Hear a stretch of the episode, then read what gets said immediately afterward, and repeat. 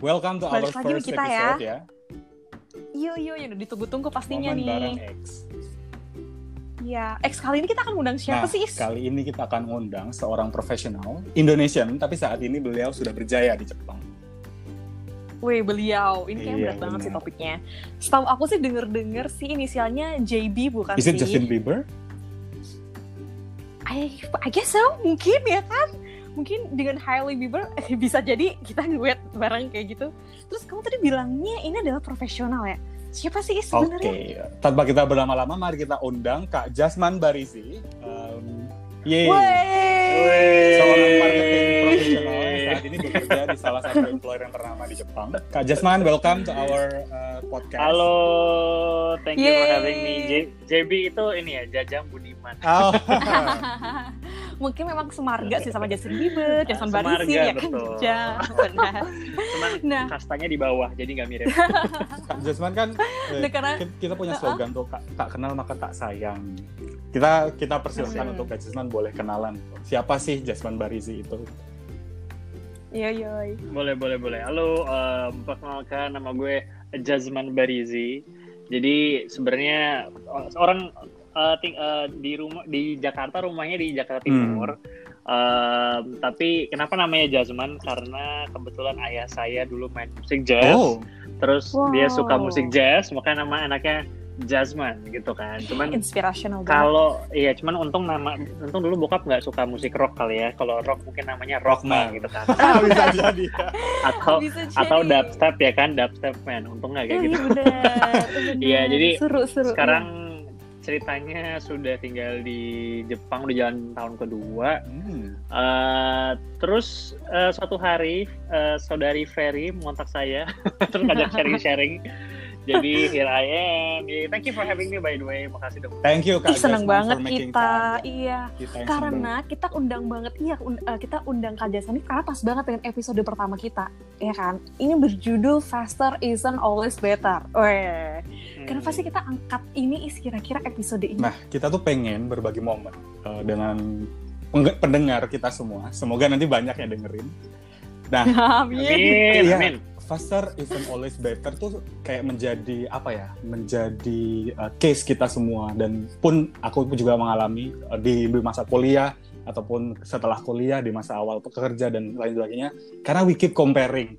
Uh, am I faster enough uh, in this kind of position, misalkan in this kind of Hmm. career, uh, in my major dan lain Hmm. sebagainya. Nah, kita pengen nih bawa bawa bawa topik ini, uh, Ferry dan Kak Jasman. Jadi pengen sharing ke teman-teman sebenarnya kita tuh udah oke nggak sih gitu dengan dengan pace kita masing-masing gitu sih Fer. Ada tambahan mungkin bener dari Ferry? banget.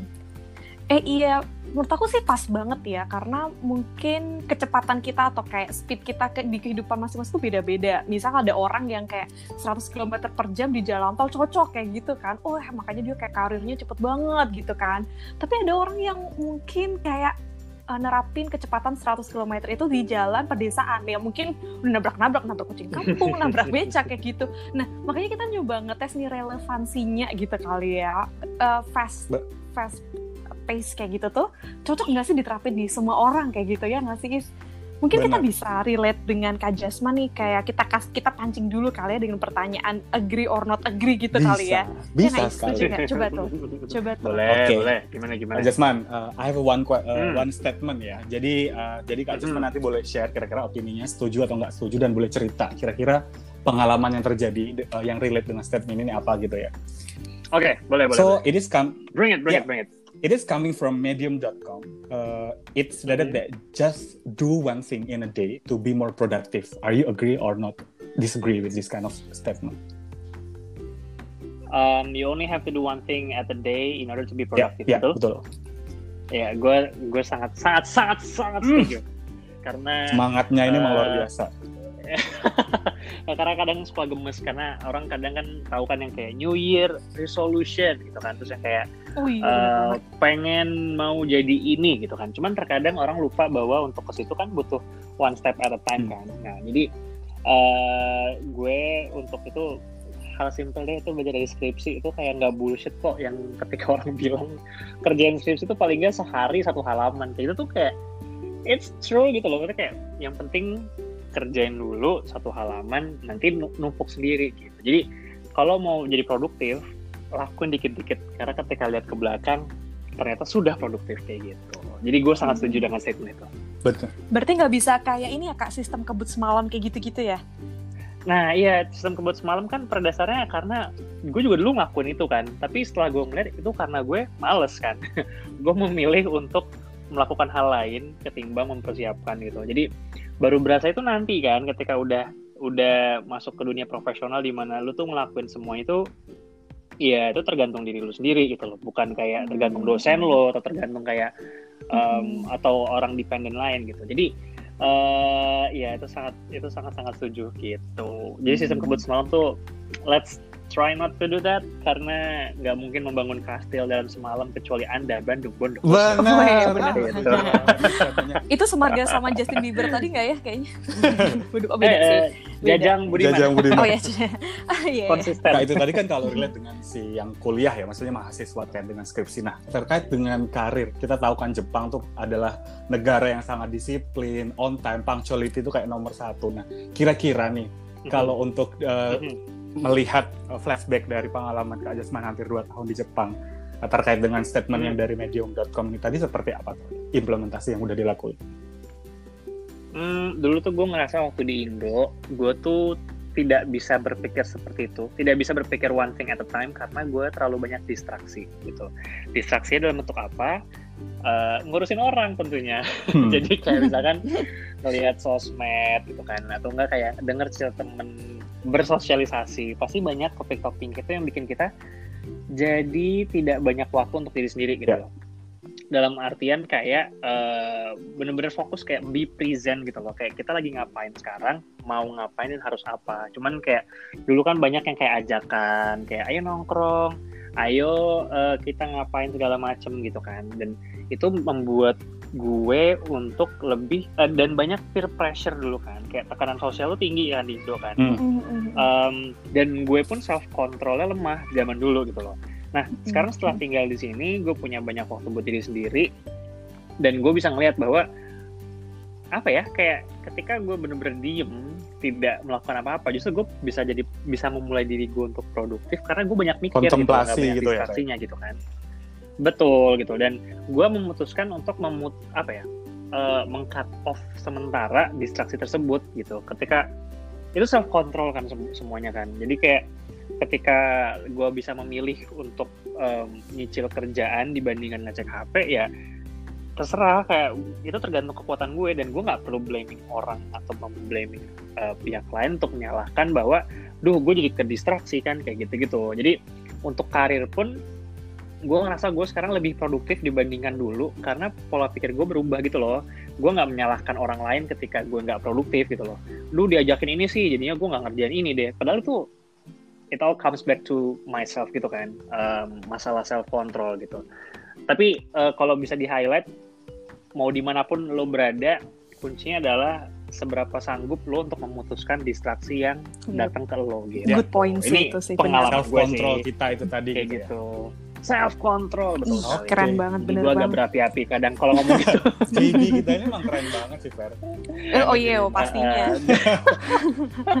Menarik sih tadi topiknya. Ini ngarah ke true uh, disagree and agree di poin kedua nih kayaknya sih sama Kak Jasman sih. Jadi apa tuh apa tuh going faster versus doing it Yep. right. Ya kan kata tadi kayak ada Mhm. self control. Terus kemudian uh, Kak Jas berpikir bahwa ya mending diendepin dulu, ngelakuin sesuatu dulu. Nah kira-kira kalau ada statement dari uh, scottyoung.com ini yang going faster versus doing it right, menurut kakak kayak Mhm. gimana?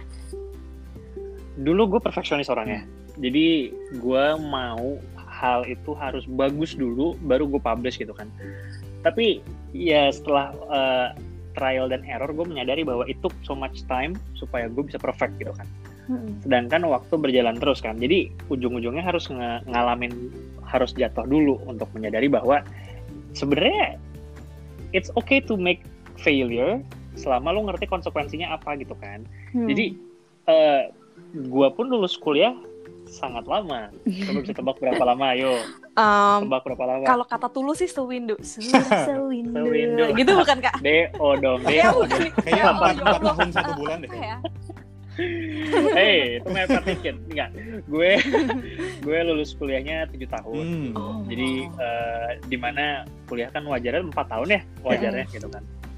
Em, cuman eh, gue nggak menyalahkan mereka yang lulus tepat waktu tentu saja dan gue tidak mendiskreditkan mereka yang lulusnya tidak tepat waktu seperti gue gitu. Cuman eh, ketika tujuh tahun itu terjadi, eh maksud gue selama gue belum lulus itu, yang gue lakukan bukan slacking off, tapi gue sengaja mengumpulkan em, bibit-bibit skill Asik. asik. Jadi kayak gue poli- polishing my own skill dengan cara nyari kesempatan magang, Hmm. nyari apa namanya ikut-ikut project gitu. Karena buat gue pribadi, gue yang waktu itu dulu agak-agak idealis sih. Gue mikir kan gue kuliah tuh di Unpad ya di Bandung, di mana jurusannya itu jurusan Hmm. komunikasi kan. Itu tuh ada seribu orang seangkatan gue Hmm. 2011 dulu kan. Jadi gue bilang kalau gue nggak mau ketika gue lulus, gue punya skill set yang sama seperti seribu lulusan Unpad lainnya. Bener beda banget. gitu. Mike, uh, mindsetnya pas banget. karena karena kita akan memperebutkan uh, lahan pekerjaan yang sama kan jadi gue Hmm. bilang eh gue pikir oke gue harus eh, ya gue cari experience dulu deh kayak gitu bisa sih gue cari experience dengan lulus dulu baru cari experience cuman mm, dulu gue ada beberapa apa namanya kejadian yang mengarahkan gue untuk mengambil langkah sekarang gitu yaitu gue menunda kelulusan untuk dapetin opportunity tersebut gitu. Hmm. anaknya oportunis ya kan? Jadi dari situ gue kumpulin gue kumpulin gue kumpulin. Jadi instead of aiming for perfection I aim for uh, doing one step at a doing things one step at a time dikit-dikit gitu kan? Uh, jadi ternyata ketika gue lulus 7 tahun full time job pertama gue adalah di Jepang gitu. Di mana kondisinya gue nggak bisa bahasa Jepang gue belum pernah ke Jepang dan uh, buat gue itu emang kayak uh, buah dari hasil kerjanya sih seperti itu. Mm-mm. Jadi hasil doing and ya, right-nya ya, yang jadi kayak nggak Iya. buru-buru lulus tapi kamu Nggak. punya right strategies untuk itu kali gitu ya, Kak, ya, gue memutuskan untuk kayak tidak mendengarkan kata orang. Mm-mm. Butuh tenaga besar dan butuh energi besar, tapi it was worth it. Every, it, wor- it, yeah, it was super super worth Hmm. it kayak gitu. Dan benar akhirnya Oh. usaha itu tadi membuahkan hasil yang beneran manis gitu ya. Kak? Iya, bener. Kalau enggak, buang waktu dong. Udah ada, Ada- ada ancaman nih ancaman. kayaknya nih. Udah ada ancaman. Iya kayak gitu. Ini kayaknya leading juga Fer ke statement yang ketiga nih dari hbr.organization.org. Ini Kak, Kak Jasman kira-kira setuju atau enggak? Slow deciders make better strategies. Hmm. Hmm, it really depends on the Hmm. situation sih menurut gue. Karena ada situasi yang buat si slow decider ini itu emang apa namanya? Emang dia cocok banget. Eh, maksudnya situasinya membutuhkan slow decider, tapi kadang ada juga yang butuh situasinya itu fast Hmm. thinker gitu loh. Um, di mana fast thinker eh, ini dari pengalaman gue, gue dulu sangat lamban untuk mengambil keputusan karena gue takut salah gitu kan Hmm, hmm, hmm, Gue- hmm, hmm. Gue belum siap dengan konsekuensi yang akan gue ambil gitu. Misalkan kayak gue harus memutuskan antara gue tunda lulusan, tunda kelulusan atau gue ambil opportunity ya gitu kan. Hmm. Dan dulu bikin gue mikir lama karena gue nggak yakin apakah gue akan siap dengan konsekuensi gitu. Tapi ternyata ketika dilakuin, oh ya udah konsekuensi seperti itu ya gue terima gitu kan. Hmm. Cuman waktu gue di Indo juga gue ngerasa bahwa orang-orang sekitar gue pun termasuk gue zaman dulu juga merupakan orang yang belum terlalu aware dengan adanya konsekuensi gitu. Jadi Hmm. emang eh, sebenarnya kalau kita nggak apa-apa dengan konsekuensinya kayak nggak apa-apa nggak sih gitu loh. Kayak misalkan Hmm, hmm, Ferry hmm, memutuskan buat aku mulai besok mau ke kantor dengan hijab yang ada kepangnya setiap hari gitu. Oh ya, It's- ini inspirasinya dari keke boleh kayaknya. kan? Oh boleh, KKI boleh. ya? Iya kan, Iya boleh kan, kan? iya kan, kiri kan, Eh, iya Terserah. Iya bener kan? benar. Terserah lo kan lo mau pakai atau enggak kan. Cuman Ah, ah. mungkin konsekuensinya kan dikomentarin orang gitu. Lo siap atau enggak dengan komentar tersebut? Kalau lo siap, dan do it gitu loh. Kayak you don't you don't have to care about what people say gitu. Hmm, hmm. Jadi itu yang gue rasakan dulu gitu loh. Ketika gue mem- memutuskan eh, apa namanya untuk mikir butuh waktu, gue cuma memikirkan apakah gue siap dengan konsekuensi atau tidak gitu. Tapi kadang emang ada situasi yang memaksa kita harus bisa jadi fast thinker karena emang ya banyak organ ur- urgensi lainnya gitu kan. Tapi selama kita paham bahwa um, it's okay to make uh, to make mistakes ya, then I think it should be fine gitu loh. Hmm. gitu Tapi tuh sebenarnya nih kak kayak banyak banget negatif stigma around us Iya. ya nggak sih kayak tadi kakak bilang Mhm. konsekuensi yang Mhm. people put us gitu jadi kayak ekspektasi yes misalkan eh, tadi kakak bilang sebenarnya nggak apa-apa as long as you doing it right eh, kayak Mhm. atur sendiri strateginya do it with your self control kayak konsekuensinya Mhm. tahu sendiri is- it should be fine cuman kadang kan tadi kan kakak bilang kalau di Indo tuh most of the time itu kayak melimpahkan apa ya ekspektasi Hmm. orang tuh ke kamu salah satu contohnya itu kayak Betul. bisa mengakibatkan kayak rushing effect misalkan sebenarnya I'm Mhm. fine kalau misalkan misalnya kerja nanti atau aku nggak apa-apa nih bekerja di bidang ini yang sesuai passionku. Jadi aku kayak tunda dulu pekerjaan full timeku kayak misalkan kan orang kayak gitu atau misalkan aku tunda dulu dan misalkan private life tuh Hmm. nikah dulu atau apalah kayak gitu. Tapi ada rushing effect yang orang itu put Social us, pressure uh, gitu ya. kayak- kayaknya iya social pressure jadi seolah-olah kayak kita tuh competition in the matter of speed atau in the matter of time nah menurut kakak rushing effect ini tuh cara counternya tuh kayak gimana gitu loh di saat sebenarnya we are fine tapi karena Mhm. cepet-cepetin orang kita tuh jadi kayak oh my god everything is just going on me kayak gitu-gitu itu gimana kak? Iya iya iya. Ini sih em, nyambung eh, apa namanya gue kemarin tuh nemu kayak suatu diagram yang menurut gue tuh simpel tapi tuh kayak damn itu bener banget gitu. Jadi pertanyaan jadi diagram pertanyaan gitu loh. Jadi kayak em, pertanyaan pertama gini, do you have a problem? Hmm. Lu punya masalah atau enggak? Jawabannya yes or no gitu kan. Terus ada ada alurnya. Terus kalau misalkan yes, pertanyaan berikut adalah can you do any can, can you do something about it? Jawabannya adalah yes or no gitu kan. Terus pilih. Jadi kayak kita tanya ke diri sendiri, lu bisa ngelakuin sesuatu nggak untuk masalah itu? Nggak ada gitu kan. Terus jadi semua jawabannya mau itu yes mau mau itu no, ujung-ujungnya adalah then don't worry about it gitu kan. Hmm. Jadi kayak misalkan lu punya masalah nggak? Nggak ada. Ya nggak usah nggak- ya nggak usah masalahin gitu kan. Hmm. Terus misalkan masuk ke pertanyaan kedua, lu bisa ngelakuin sesuatu nggak tentang masalah itu? Hmm.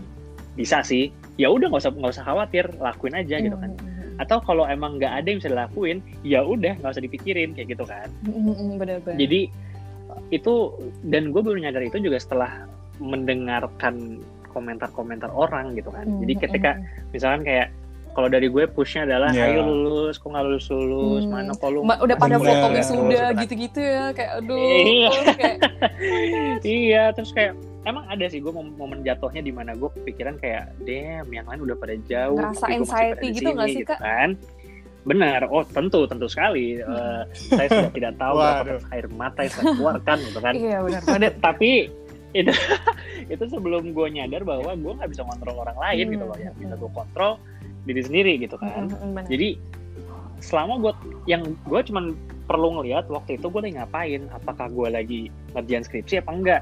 Kalau nggak ngerjain skripsi kenapa gitu loh? Kalau emang lu memutuskan buat nggak ngerjain skripsi konsekuensinya lu lebih lama lulusnya. Ya udah that's your decision gitu loh. Hmm. jadi eh, ketika orang-orang ngepres lu untuk ngelakuin kayak gitu gitu ya apa namanya bikin rush gitu kan. Jadi kayak Mm-mm. rasanya kayak aduh kok ditekan-tekan sih? Hmm. gitu cuman ya lu nggak bisa ngontrol orang yang nge-push lo juga kan. Yang bisa lo kontrol adalah kelakuan lo gitu. Jadi dulu gue belajarnya dengan cara keras seperti itu sih. Jadi ketika eh, apa namanya ada orang yang mem, men- apa ya memproyeksikan ekspektasi Iya. dia ke diri lo, ya yang bisa gue lakukan adalah gue menjelaskan apa yang akan gue lakukan gitu loh dan mana hasilnya. Tapi selain itu gue nggak akan pusingin Mm-mm. gitu. Kayak misalkan kalau di analogi ini, misalkan kita di jalan raya, kebetulan motor kita mogok ya kan, misalkan ada masalah dong di Mhm. situ. Orang lain tuh udah pada Yes. naik BMW kayak apa cepet banget, terus kita kan kayak ke peer pressure nih, kayak ke rushing kan. Tapi sebenarnya bener sih kita nggak bisa ngetop BMW mereka, kita nggak bisa nyetop motor Betul. mereka. Tapi yang penting ngeperbaikin motor yang rusak ini, apa kayak businya kayak atau ini kayak rodanya kempes oh, itu yang bisa kita lakukan memperbaiki fixing our own biar kita bisa keep up the pace again Mhm. gitu nggak sih kak? Iya aku suka banget Betul. nggak salah kita undang Jadi sih setuju setuju banget dunia kita. Lagi Aduh, nih. aku terharu. Kenapa Iya, lagi, jadi kayak eh, eh, kenapa? Iya, jadi kayak eh, kemarin abis sempat kayak ikut kelas soal being present gitu kan. Jadi ini penting banget sih. Jadi ada tiga flow gitu. Yang pertama tuh flow-nya adalah fakta, yang kedua adalah emosi, Hmm. yang ketiga adalah aksi gitu. Kadang orang kita itu udah teral- langsung masuk ke emosi tanpa melihat tanpa melihat faktanya apa gitu loh. Jadi kayak misalkan tadi nih, Ya. orang motor mogok terus pengen ngelihat yang lain BMW gitu kan Mm-mm. udah lang- udah langsung kesel kenapa sih motornya mogok gitu Mm. padahal faktanya motor emang nggak emang nggak bisa jalan ya Mm-mm. udah gitu di situ aja gitu Mm-mm. nggak usah di masuk ke emosi nggak usah dijadiin aksi aksinya marah ke orang kayak gitu loh kayak ditendang kayak gitu motornya kan dibakar gitu misalnya iya motor tendang bannya dibakar Iya. terus jadi Malah kita demo jadi iya benar benar banget tuh poinnya ah. Iya, jadi dulu gue waktu lagi kuliah itu yang skripsi telat itu pun gue langsung terlalu mas terlalu cepat masuk ke tahap emosi gitu loh. Hmm. Gue sirik sama orang lain. Kenapa yang lain bisa cepet? Kenapa gue nggak? Faktanya gue nggak ngerjain skripsi gue Iya, gitu loh. Jadi ya banget. ya udah fokus di situ aja kayak gitu kan. Jadi ketika lo fokus ke faktanya itu bikin lebih lega gitu loh. Lebih kayak bisa mengatasi komentar orang gitu loh. Karena faktanya adalah orang komentar tentang apa yang gue lakuin dan faktanya tetap gue yang ngelakuin gitu loh bukan orang tersebut jadi nggak Itu perlu sampai kayaknya, emosi hmm, gitu Iya, Mm, mm, benar. mm, mm. gitu itu sih itu, itu dengan pengalaman gue uh, Hmm, bagaimana art kita, seni kita untuk prioritizing nggak sih Kak Jasman? Apa yang dilakukan saat itu? Artinya kan ada beberapa opsi nih. Apakah mau Mm-mm. selesai skripsi dulu, kemudian Mhm. tadi terkait dengan how you level up your skills dan lain sebagainya. Nah, saat itu prioritizingnya seperti apa tuh? Dan akhirnya kenapa si Kak Jasman ini memilih untuk yang lain uh, dibandingkan skripsi dulu gitu? Hmm, dulu emang gue masalahnya karena Hmm. gue nggak tahu apa yang gue mau sih. Oh benar yang banget gue sih mau itu. yang gue mau adalah apa yang orang lain punya. Nah benar. Dan itu nggak Ya, akan mungkin betul. terjadi karena gue bukan orang lain kayak gitu Mhm. kan. Jadi kayak menyelesaikan skripsi itu juga sebenarnya pilihan orang kan. Maksudnya eh, ada social pressure yang mengekspektasi yang berekspektasi bahwa lo harus menyelesaikan skripsi. Kalau enggak lo gagal kayak gitu kan. Dan lo nggak mau dianggap gagal. Padahal komentar orang melihat lo gagal atau enggak itu kan sebenarnya nggak ada pengaruhnya sama keberlangsungan hidup lo kan. Lo bisa aja memilih untuk membuka bisnis misalkan. Atau lo bisa aja memilih untuk ikutan kursus punya skill tetap di hire sama orang tetap bisa berkarya untuk dapat pekerjaan. Kayak gitu kan. Jadi dulu pun itu semuanya kayak gitu sederhana karena gue belum mendengarkan diri gue sendiri. Jadi balik lagi ke yang awal karena terlalu sering mendengarkan orang lain karena terlalu sering terdistraksi gue nggak punya waktu Hmm. untuk mendengarkan diri sendiri. Alhasil gue pun terombang ambing gitu loh kayak aduh maunya ini tapi nggak bisa pengen kayak itu tapi nggak punya. Jadinya ujung-ujungnya kesel sama diri sendiri ujung-ujungnya eh, tidak mengasihani diri sendiri dan hal-hal kayak gitu. Jadi emang dan itu kaitannya erat banget sama produktivitas gitu loh karena produktivitas lo cuma bisa melak lo bisa bergerak ketika lo tahu mau ngapain kan kayak gitu loh Dan di saat kalau misalkan Gitu kita sih. tahu uh, life goal kita nih, kita bisa set pace-nya sih ya nggak sih kak? Kita bisa set kecepatannya kayak Benar. gimana, strateginya kayak gimana, Mm-mm. decisionnya kayak gimana. Mm-mm. Berarti yang basic poinnya adalah sebenarnya kita tahu nih kayak karakteristik kayak kita balik lagi nih analogi motor tadi karakteristik betul. motornya tuh kayak gimana nih bisa kita pacu seberapa cepat nih kayak gitu masa tiba-tiba udah iri Betul. aja kayak tadi kan Jasmine ibaratnya skripsi nggak dikerjain masa mau digas 200 km Iya. per jam gitu kan kayak orang lain. Padahal kayak even em, pemanasan aja nggak pernah kayak gitu motornya. Oh iya make sense banget super make bener sense. bener bener. Iya itu yang gue rasain dulu sih. Itu juga ditambah kayak ketika ngomong tadi nyambung ke yang Ferry mention soal life goal atau gimana gimana kayak orang tuh terkadang terlalu terpat terpaku dengan kayak gue maunya yang keren gue nggak bisa salah gue nggak boleh salah dan gue nggak boleh jatuh gitu loh. Ya, jadi gue harus nentuin goal yang bagus gitu kan. Padahal kadang ya, ya ini filosofis sih tapi hidup kan nggak selurus itu kan. Kayak kadang tuh lu nggak bisa tahu lu mau jadi apa sekarang gitu kan. Tapi lu bisa taunya ketika lu nyobain kan. Mm-mm. dan yang namanya nyobain tuh ada gagal ada suksesnya gitu. Jadi dulu pun gue juga kayak gitu memutuskan untuk kayak nyari pengalaman ya gue cobain dulu gitu loh. Gagal gagal dalam artian skripsi tertunda ya tapi ya udah gitu kan jadi ya nextnya apa gitu Oke, Iya. khotbah Sangat dari.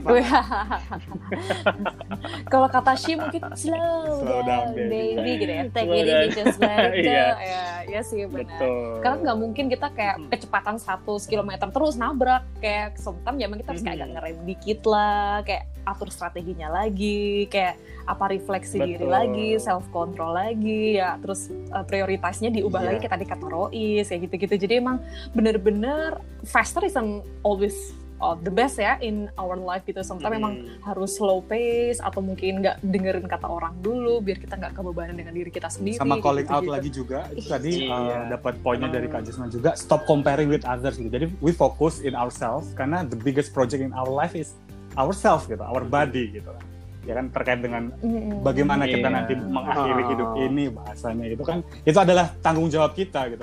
Kita menemukan diri kita. Ya udah bukan bukan Oh.